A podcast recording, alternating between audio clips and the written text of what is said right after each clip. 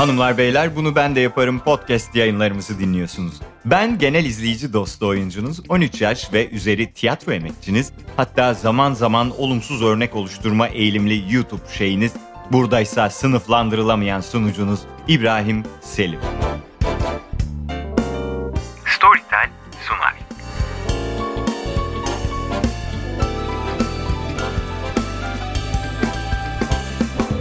Geçen bölümde dolandırıcılık dağarcığımıza satış işlemlerinde dolandırıcılık, çek, senet ve bilet dolandırıcılığı, ön ödemeli dolandırıcılık, büyü, muska, kendine ait olmayan yeri satma ya da kiralama dediğimiz haysiyetless durum ve sigorta dolandırıcılıklarını da katarak tam bir suç makinesi olmaya bir adım daha yaklaşmıştık. Allah korusun. XYZ markasından 10 bin ödül kazandınız. İleride size fazlasıyla ödemek koşuluyla bir miktarda bana para gönderir misiniz? Benim neden aklıma gelmedi bu ya? Dolandırdığı yetmiyormuş gibi espri yeteneğini de kaybetmemiş. Salatalık gönderdi. Ben enayiyim gel beni kazıkla yazıyor. Yapmayın, güvenmeyin böyle insanlara. Bu haftada para toplama ve kalan dolandırıcılık türlerini işleyerek sizleri tam teşekküllü bir dolandırıcıya, pardon, gözü açık birer vatandaşa çevirmeyi planlıyoruz.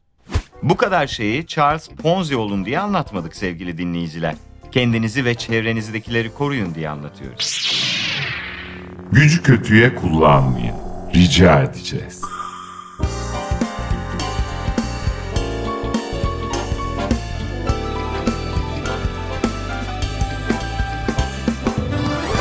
Evet gereksiz uyarımızı da yaptıktan sonra Abdurrahman Bey'in araştırmasında yüzde bir buçukla sondan ikinci olan Para toplama. sahtekarlığıyla devam edelim. Bu az bir oran ama pek leziz bir konu sevgili dinleyiciler. Çiftlik banklar, jet fadıllar, titan saadet zincirleri hep bu grupta yer alıyor. Ufak bir tanım yapmak gerekirse amaç ortalamanın üzerinde getiri sağlayan bir alana yatırım, bir işe ortak olma veya beraber iş kurma, iş imkanı ya da yardım toplama bahanesiyle kişilerden para toplanması şeklinde oluyor. Yani DNA kodlarımızın ta derinlerinde olan imece usulü meraklısı yanımıza oynuyorlar efendim. Failin ve mağdurun sosyokültürel durumuna göre değişen senaryolarla mağdurun gönüllü olarak parasını getirip faile teslim etmesi hedefleniyor. Şu inceliğe bakar mısınız? Zor kullanmıyorlar. Yani gönüllülük esas. İşin ilginç tarafı ya. Mağdurlar bunu yaparken de ülkemizde gözlemlediğimiz üzere bu zincir oyunu dönerken dolandırıcıların en ateşli de savunucuları haline geliyorlar. Bu dolandırıcılık türünü anlayabilmek ve ülkemizdeki saadet zincirlerini daha iyi kavrayabilmek için bu olayın ilk başlangıcına dönmemiz gerekiyor. Ponzi düzeni. Ponzi düzeni İtalyan Charles Ponzi tarafından geliştirilen bir dolandırıcılık yöntemi. Düşünsenize öyle bir dolandırıcılık yöntemi buluyorsunuz ki adınızı veriyorlar. Efendim kimdir bu Ponzi? Charles Ponzi bizde saadet zinciri olarak bilinen düzenin babası. İtalya'da doğmuş ve 1903'te Amerika Birleşik Devletleri'ne gelmiş bir göçmen. İthalatla ilgilenmeye hazırlandığı esnada uluslararası posta pullarını keşfediyor. Her ülkede farklı değerde satılan bu pullar o dönem paraya çevrilebiliyorlar. Bunu keşfeden Ponzi dükkanın kapısına 45 günde %50, 90 günde %100 kar yazan bir tabela asıyor. Böylece tarihin ilk Ponzi oyununu da başlatmış oluyor. Ponzi düzeni yasal gibi görünen bir yatırım aracına katılımla kısa sürede yüksek oranda getiri sağlanacağı vaadine dayanmakta.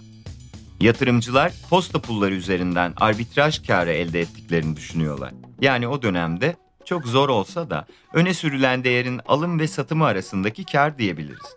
Sanki arbitrajın ne olduğunu biz biliyormuşuz da size satıyormuşuz gibi olmasın diye açıklamamızı da yapalım.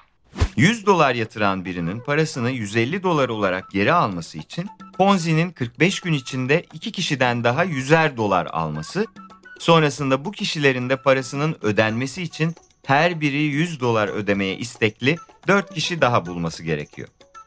Sistem bu şekilde binlerce kişinin dahil olduğu bir piramide dönüşüyor. Aralık 1919'da 150 dolar olan varlığını Temmuz 1920'de toplam 9 milyon dolara çıkarıyor. Sistemin çalışması için kilit nokta insanların satın alacağı bir fikrin sunulması. Yani sürekli yeni katılımcılara ihtiyaç duyan bir sistemden bahsediyoruz. Yeterli sayıda yeni katılımcının bulunamaması durumunda da sistem çökebilir. Ki tam olarak da böyle oluyor. O günlerde bir gazete Ponzi'nin bu yatırım vaadinin işleyişindeki sıkıntılar, soru işaretleriyle ilgili bir makale yayınlıyor. Bu da oyunun sonunu getiriyor. İşte özgür basının gücü sevgili dinleyiciler. Makaleden sonra nakit girişi birden kesiliyor. İnsanlarda bir endişe oluşuyor ve herkes parasını geri almak için sıraya giriyor. Aynı gün içinde bin kişi parasını Ponzi'den çekiyor. Ancak oyun bittiğinde şirkette iflas ediyor. 40 bin kişinin parası içeride kalıyor. Hapse mahkum edilen Charles Ponzi hapisten çıkınca Amerika tarafından Yeter artık kardeşim al şu adamını. diyerek nazikçe İtalya'ya iade ediliyor. Şu nezakete bakar mısınız?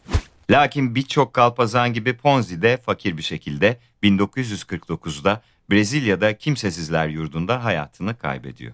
Türkiye'den Ponzi düzenine verilebilecek en güzel örnek borcu borçla kapatmaya yönelik bir sistem olan bankerlik ve tabii ki Titan saadet zinciri.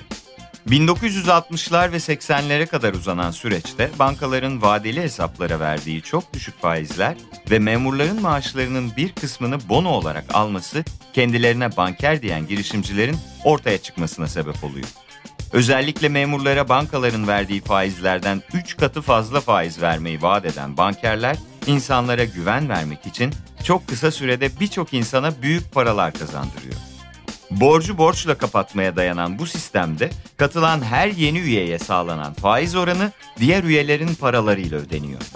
Yani insan bir şüphe duyar değil mi efendim? Yok, yok onu kimse düşünmedi ki. Bin liraya 500 lira verince millet neyi var neyi yoksa sattı şey yaptı. Çünkü anladığımız kadarıyla adeta bir toplu histeri durumu yaşanmış. Düşünsenize o zamanlar bir tane televizyon kanalı, Happy Top'u 2-3 gazete var. Ve bu bankerler destursuz, davetsiz bir şekilde evinizin içine girip size rüyalarınızda bile göremeyeceğiniz kısa sürede büyük paralar teklif ediyorlar. Bu pamuk şekerler ve gök kuşaklarıyla süslü tabloda ne ters gidebilir ki? Gitmiş efendim. Bu sistem 1980'lerin başına kadar sıkıntısız bir şekilde işlemiş. Memurdan bonoları değerinin altında alıp paraya çevirmişler. Ancak devlet bu parayı vermeyince 1982 yılında yaşanan krizde bilinen bütün bankerler aniden iflas etmiş. Bu bankerlerden en önde geleni gerçek adı Abidin Cevher Özden olan Banker Castelli'ydi. Bank, banker Castelli ha. E onda da ona da ona da bir şey kaptırmıştık da bir 50 lirasını mı 100 lirasını mı geri almıştım onun. Hiçbir ekonomik bilgisi olmamasına rağmen faaliyet yürüttüğü yıllarda özellikle memurlar arasında büyük güven sağlamıştı. Yani kendilerini söz sahibi olarak gören insanların o günlerde de şimdikilerden pek bir farkı yokmuş. Peki bu güveni nasıl sağlamış? Kendisini gazetelere verdiği tam sayfa reklamlarda Sermaye piyasasına emek veren biri. olarak tanıtan Castelli, televizyon reklamlarında ise o dönemin ünlü yüzleri olan Cüneyt Arkın, Fikret Hakan, Ekrem Bora, İzzet Günay, Selma Güner'i, Eşref Kolçak gibi ünlü isimleri oynatıp halkın güvenini iyice kazanmış. Adam ta o yıllarda PR'ın gücünü keşfetmiş. Şu reklam yüzlerine bir bakar mısınız Allah aşkına? Vallahi Cüneyt Arkın gelse evin anahtarını istese teslim eder çıkarım. Belli ki adam işini biliyor. Dünyayı kurtaran adam. Cüneyt Arkın. Haber Vitrini.com'un haberine göre 1982'de batmadan önce o ve diğer bankerlerin Türk halkından topladığı para 3.2 milyar dolarmış.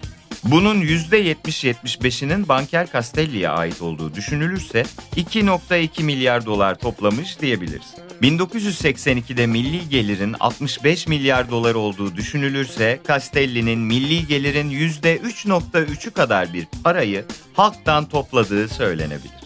Bugün 660 milyar dolara yakın Türkiye ekonomisinde bu para yaklaşık 22 milyar dolara denk geliyor. Batan Castelli ikinci denemesini Ponzi modeliyle yapıyor. Krizden sonra bankalar %2-3 sabit faizlerle para topluyordu. Ancak kaynak yetmeyince mevduat sertifikaları çıkardılar. Fakat alıcı yoktu. İşte ailenizin güler yüzlü bankeri tam bu noktada olaya tekrar el atmış. Ve beyaz atıyla tekrar gönüllere ve kanlara girmiş. Castelli 100 liralık sertifikayı 75'e alarak halka 100 lira getirin ben size yüzde 5-6 vereceğim demiş. Ama tabii adamın girişimci ruhunu asla takdir etmeyen kader yine devreye girmiş ve Castelli'nin Ponzi zinciri 250 bin kişiye ulaştığında sertifikaların satışı devlet tarafından durdurulmuş ve Castelli ikinci kez iflas etmiş. Binlerce insan Castelli'nin büroları önünde kuyruklar oluşturdu. Ünlü bankerler krizine neden olan adam olarak Türk iktisat tarihine geçen Castelli, aynı zamanda Türkiye'de finansal sistemin yeniden düzenlenmesine yol açtı. Bankerler kriziyle birlikte Türkiye'de sermaye piyasası kanunu çıkartıldı ve sermaye piyasası kurulu kuruldu ve İstanbul borsası açıldı. 1982'de batış sonrası tasfiye kurulu oluşturuldu ve 150 bin kişi tasfiyeye başvurdu. Tasfiye masası alacaklılara parasını tamamen ödedi. İnşaat işleri ise iyi gitmedi. 2007'de borçları nedeniyle bunalımdaydı. Oğlunun mezarı başında intihar girişiminde bulundu. Olmadı. Bunalımı son olarak İstanbul Kadıköy'deki kendisine ait iş anında son buldu. Ama şunu da eklemek istiyoruz ki kayıtlara göre Castelli'de kimsenin parası kalmamış efendim. Günahını almayalım. Banker Castelli kısa vadeli yüksek faizli menkul değerler alır ve satar. Ve gelelim Jet Fadıl lakaplı Fadıl Gündüz'e.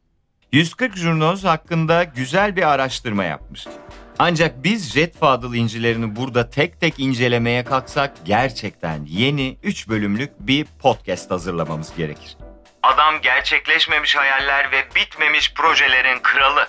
1987'den beri bir fiil insan silkeliyor. Fadıl Gündüz önce Didim'de bir otel inşaatı için Türkiye Kalkınma Bankası'ndan 5,3 milyonluk bir kredi çekiyor ve ödemiyor. Ardından 1995'te Jetkent diye bir site kuracağım vaadiyle Almanya'daki gurbetçilerden 5 trilyona yakın kaynak topluyor ve tabii ki yine icraat yok. Ardından Jetpa Holding'i kuruyor. Bünyesinde 10 şirket olan bu holdingin 6 şirketinde hiç kimsenin çalışmadığı ortaya çıkıyor. Ardından yerli otomobil çıkaracağım diyor. Oradan para alıyor. Sonra 2002'de milletvekili seçiliyor. Ne kadar şaşırtıcı değil mi? 2011 yılında yavaş yavaş görüntü de değişmeye başlıyor. Tabii artık sarık ve cübbeyle ortamlarda boy gösterirken Kapris Gold Bayrampaşa projesiyle kamuoyunun karşısına çıkıyor. 2011'deki temel atma törenine tabii ki İslami endülüjans boncukları dağıtmaya bayılan Cübbeli Ahmet Hoca da katılıyor ve Buradan yer satın almak caiz midir? Ben size fetva veriyorum, caizdir. sözleriyle Jet Fadıl'a desteğini veriyor. Amaç İslam'a hizmet olarak gösterilirken hop 750 milyon daha cukkalanıyor ama proje hala bitmiyor. Protestolar protestoları kovalıyor. 2014 yılında İstanbul'daki reklam panolarını Maldivler'de Müslümanların özel adası oluyor. afişleriyle donatıyor. Yeni projesi Capris Gold Maldivler için 60 bin kişiden 170 milyon dolara yakın para topluyor. Yapımına başlanmayan ve faaliyete geçmemiş otel için hizmete açılmış gibi satışlar yapılmaya başlanıyor. Yaklaşık 7 milyon lira harcanan reklam filmlerinde Ekim 2014'ten itibaren müşterilerin Maldivler'deki otelden yararlanabilecekleri belirtiliyor ama teslim gerçekleşmiyor. Yani gördüğünüz gibi sevgili dinleyiciler, bazen multi musibet yaşamak bile insanları kendilerine getiremiyor. Bırakın nasihat etmeyi. Sırada saf anlamda bir Ponzi örneği olabilecek bir oluşum var. Titan Saadet Zinciri. Wikipedia'ya göre ki biz bakmadık bir arkadaşımız bakmış.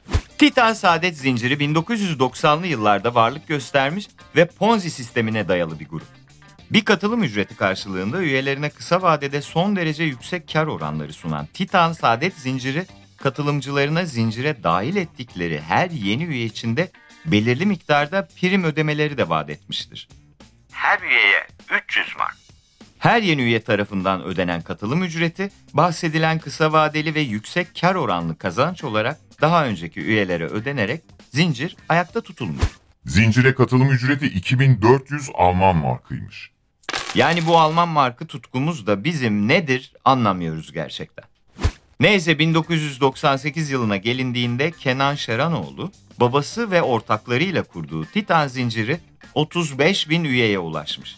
Ve toplanan para 86 milyon markmış. Biz yani el değmemiş organik vatandaşlarsa bu zincirin varlığından 19 Ocak 1998'de Kenan Şeranoğlu'nun ultra lüks doğum günü partisi ulusal basına yansıyınca haberdar oldu. Ve tam da olaylar bundan sonra patlak verdi. Olayları patlatmadan biraz doğum gününü takdir etmek istiyoruz sevgili dinleyiciler. Revü kızları, havalarda patlayan şampanyalar, lüks spor arabalar, prolar, Allah'ım adamlar, parlament, sinema kulübünün açılış jeneriği gibi bir hayat yaşıyorlarmış. Helal olsun. Efendim bu doğum günü videosunun basına yansımasından sonra paralarını alamadıkları iddiasıyla birer ikişer ardından onar yüzer Titan Saadet Zinciri hakkında suç duyurusunda bulunulmaya başlanıyor. Parasını kaptıran iş adamlarından tutun, düz memurlara kadar herkes paniğe kapılıyor. Hatta akıl hastanesine düşenler bile olmuş. Sahip oldukları tüm parayı kaptırdıkları için. Bütün bunlar olurken bakanlık devreye giriyor, emniyet soruşturma başlatıyor ve zincirin nasıl bir fiyasko olduğu ortaya çıkınca Şeranoğlu hamamda keyif yaparken tutuklanıyor. En son yaşanan olaysa malum çiftlik bank olayı oluyor. Tosuncuk lakaplı Mehmet Aydın Ağustos 2016 yılında bir sosyal medya oyunu olan Farmville'den esinlenerek Çiftlik Bank isimli bir oyun tasarlıyor. Oyuncular farklı altın değerlerine sahip çeşitli çiftlik hayvanları satın alabiliyor. Ömürleri 365 gün olan hayvanlar için yem ve depo masrafı da yapmanız bekleniyor. Çünkü gerçek hayattaki bir çiftliğin simülasyonu gibi düşünülüyor. Bu masrafları karşılamak için ve yetiştirdiğiniz hayvanlar karşılığında para kazanmak için dijital ödeme sistemlerini kullanabiliyordunuz. Oyunu diğer sosyal medya oyunlarından ayıran en önemli kısımsa oyunda satın alınan hayvanların Türkiye'nin farklı yerlerinde açılan çiftliklerle hayata geçirileceği vaadiydi. Bu noktada çiftlik bank yöneticileri dediklerini yaptılar ve insanlara güven aşılamak için az da olsa çiftlikler ve şarküteriler kurdular. Bu şarküterilerden gidip alışveriş bile yapabiliyordunuz. Çiftlik Bankı e, kulağıma geldi ama e, bizlere şey yapmadı. Daha sirayet etmeden şey oldu. İne, ineğin, e, ineğin şeyine mi ortak oluyorlarmış da sütlerden para kazanıyorlarmış falan filan. O da kaptırmış. Bayağı bir para kaptırdı herhalde. Fakat oyunun sürpriz bir yanı vardı. O da para yatıran ve zinciri büyüten kişiler gerçek hayatta çiftliklerin ve şarküterilerin ortağı değil, sadece sanal ortamdaki oyunun oyuncuları olarak kalıyordu. Yani o ekranda gördüğünüz 1 megapiksel tavuğun gerçek hayatta maalesef bir karşılığı yoktu. Son aylarda Çiftlik Bank hakkında ortaya çıkan soru işaretleri ayyuka çıktı ve oyuna para aktaran kişilerin de şikayetiyle Sermaye Piyasası Kurulu geçtiğimiz yılın sonlarında Çiftlik Bank hakkında suç duyurusunda bulundu. Çiftlik Bank'ta iddiaların üzerine bu yılın başında saadet zinciri olmadıklarını kanıtlamak için üye alımına son verdi. Ama bu aslında bir yandan da Mehmet Aydın'ın beklediği fırsat olmuş olabilir miydi? Çünkü ardından şirket bankaların iddialar üzerine kendileriyle çalışmadığını ve ödeme yapamadıklarını duyurdu. Son olarak Çiftlik Bank hakkında nitelikli dolandırıcılık, suç örgütü kurma, yönetme ve üye olma suçlarıyla soruşturma başlattı. Çiftlik Bank'ın kurucusu Mehmet Aydın, Türkiye'nin hiçbir ilişkisi ve suçlu değişim protokolü olmayan Uruguay'a kaçtı ve 77.843 kişinin mağdur olduğu toplamda 511,7 milyon liralık servetini lüks arabalar ve güzel kızlarla ezmeye başladı. Bu arada arada bir de bayramlarda dalga geçer gibi üyelere 100 lira harçlık yatırmayı da unutmadı. Mağdurlarla yapılan bir röportajda Kadriye Hanım isimli bir mağdur neden bu çiftlik bank olayına bulaştığını şöyle ifade etti. Çiftlik banka para yatırdım. Çünkü bu kadar kişi aptal olamaz. Yani Kadriye Hanımcığım size kötü haberlerimiz var. İnsanlar aptaldır demiyoruz tabii ki ama toplu histeriye yakalanmak bizim en sevdiğimiz şey. Ülke olarak bir anda bir şeyi öve öve göklere çıkarma ve anında yerin dibine geçirme huyumuz maalesef ki çok fazla var. Burada da binlerce insan sorgusuz, sualsiz bir sadakat içinde para yatırıyordu. Televizyonda yayınlanan çiftlik bank çiftliklerine göstermelik temel atan Tosuncuğun insanlar sevinçten neresini sıkacağını şaşırmıştı. Tabii son sıkan Tosuncuk oldu. Bankerlerden saadet zincirlerine olan kısmı uzun uzadıya neden işledik de tencere tava kakalanan pamuk annelerimizi neden kısacık işledik diye soracak olursanız efendim bu tarz dönemlik ve kolektif olayların ülkenin değişen sosyolojik ve kültürel yapısını göstermede turnusol kağıdı gibi bir özelliği olduğunu düşünüyoruz. Hani ta Ponzi'den beri bu tarz oluşumların bir fikir sattığını söylemiştik ya. İşte olaylara bu gözle bakarsak ülkenin geçirdiği dönemleri görme şansını yakalıyoruz. Bu adamlar ne satıyor? Bankerler çoğunluğu memur olan insanlara devletin ve bankalarının yetersiz geldiği noktalarda el uzatacakları fikrini sattılar, Bana güvenirsen ay sonunu getirirsin. dediler. Jet Fadıl tırnak içinde ötekileştirilen muhafazakar kesime muhafazakar aile yapılarına uygun helal bir yaşam tarzı sunacağı fikrini sattı. Sonra bir daha sattı. Ardından bir daha ve bir daha. Titan Saadet Zinciri ise yine tırnak içinde batılı hayat tarzını sattı. Şampanyalar, partiler, bilmem kaç bin liralık arabalar. Ve son olarak Çiftlik Bank. Yerli ve milli olma fikrini sattı. Yüksek kazanç vaat ederken dönemin ruhuna en uygun postu giyerek karşımıza çıkan bir kurucusu vardı. Ağzından Allah peygamber düşürmeden son derece saygılı, milli ve dini değerlerine bağlı bir genç adam profili çizdi. Sonra da paralarını kaptıranların üzerine çizdi. Ve hazır olun. Gümrük ve Ticaret Bakanı Bülent Tüfekçi'ye göre Türkiye'de Çiftlik Bank gibi 11 tane daha saadet zinciri var. Yani uslanmıyoruz ve uslanmayacağız. Yine bu para toplama dolandırıcılığı altında bahsedilmesi gereken diğer bir konuysa gündemdeki konular ya da hassas noktalara dokunan kuruluş ve vakıflar için para toplamak. İşte LÖSEV, Mehmetçik Vakfı gibi. Bunlara en son örnek olarak Deniz Feneri skandalı örnek verilebilir. Son olarak herhangi bir üst başlığa ait olmadığından diğer yöntemler adı altında geçen önemli kendi şahsına münasır dolandırıcılık türlerine bir bakalım. Bankamatik dolandırıcılığı. Şu sıralar oldukça yaygın bir durumda. Para çekmek için kartı kart haznesine yerleştirdiğinizde buraya daha önceden yerleştirilen bir düzenek kartınızı kopyalıyor ve size yardımcı olmak bahanesiyle yanınıza yaklaşılıyor. Çünkü siz makinenin kartınızı yuttuğunu zannediyorsunuz. Bir şekilde katakulliye getirip size sahte kartı veriyorlar. Ardından hop bir şekilde şifre sizden öğreniliyor ya da kırılıyor ve paralar cebe indiriliyor. Değersiz döviz.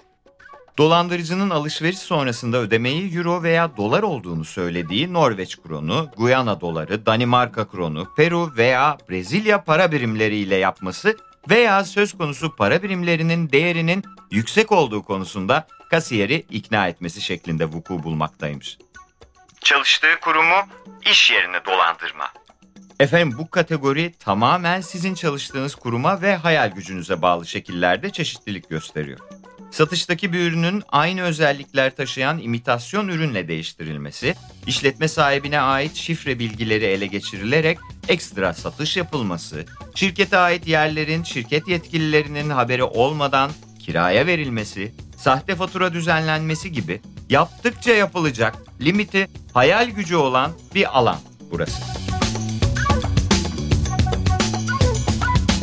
Sevgili dinleyenler, eğer bizim araştırmalarda gözümüzden kaçtığını düşündüğünüz ya da sadece sizin başınıza geldiğine inandığınız, belki de sadece sizin yaptığınız bir dolandırıcılık yöntemi daha varsa bizimle paylaşmayı ihmal etmeyin.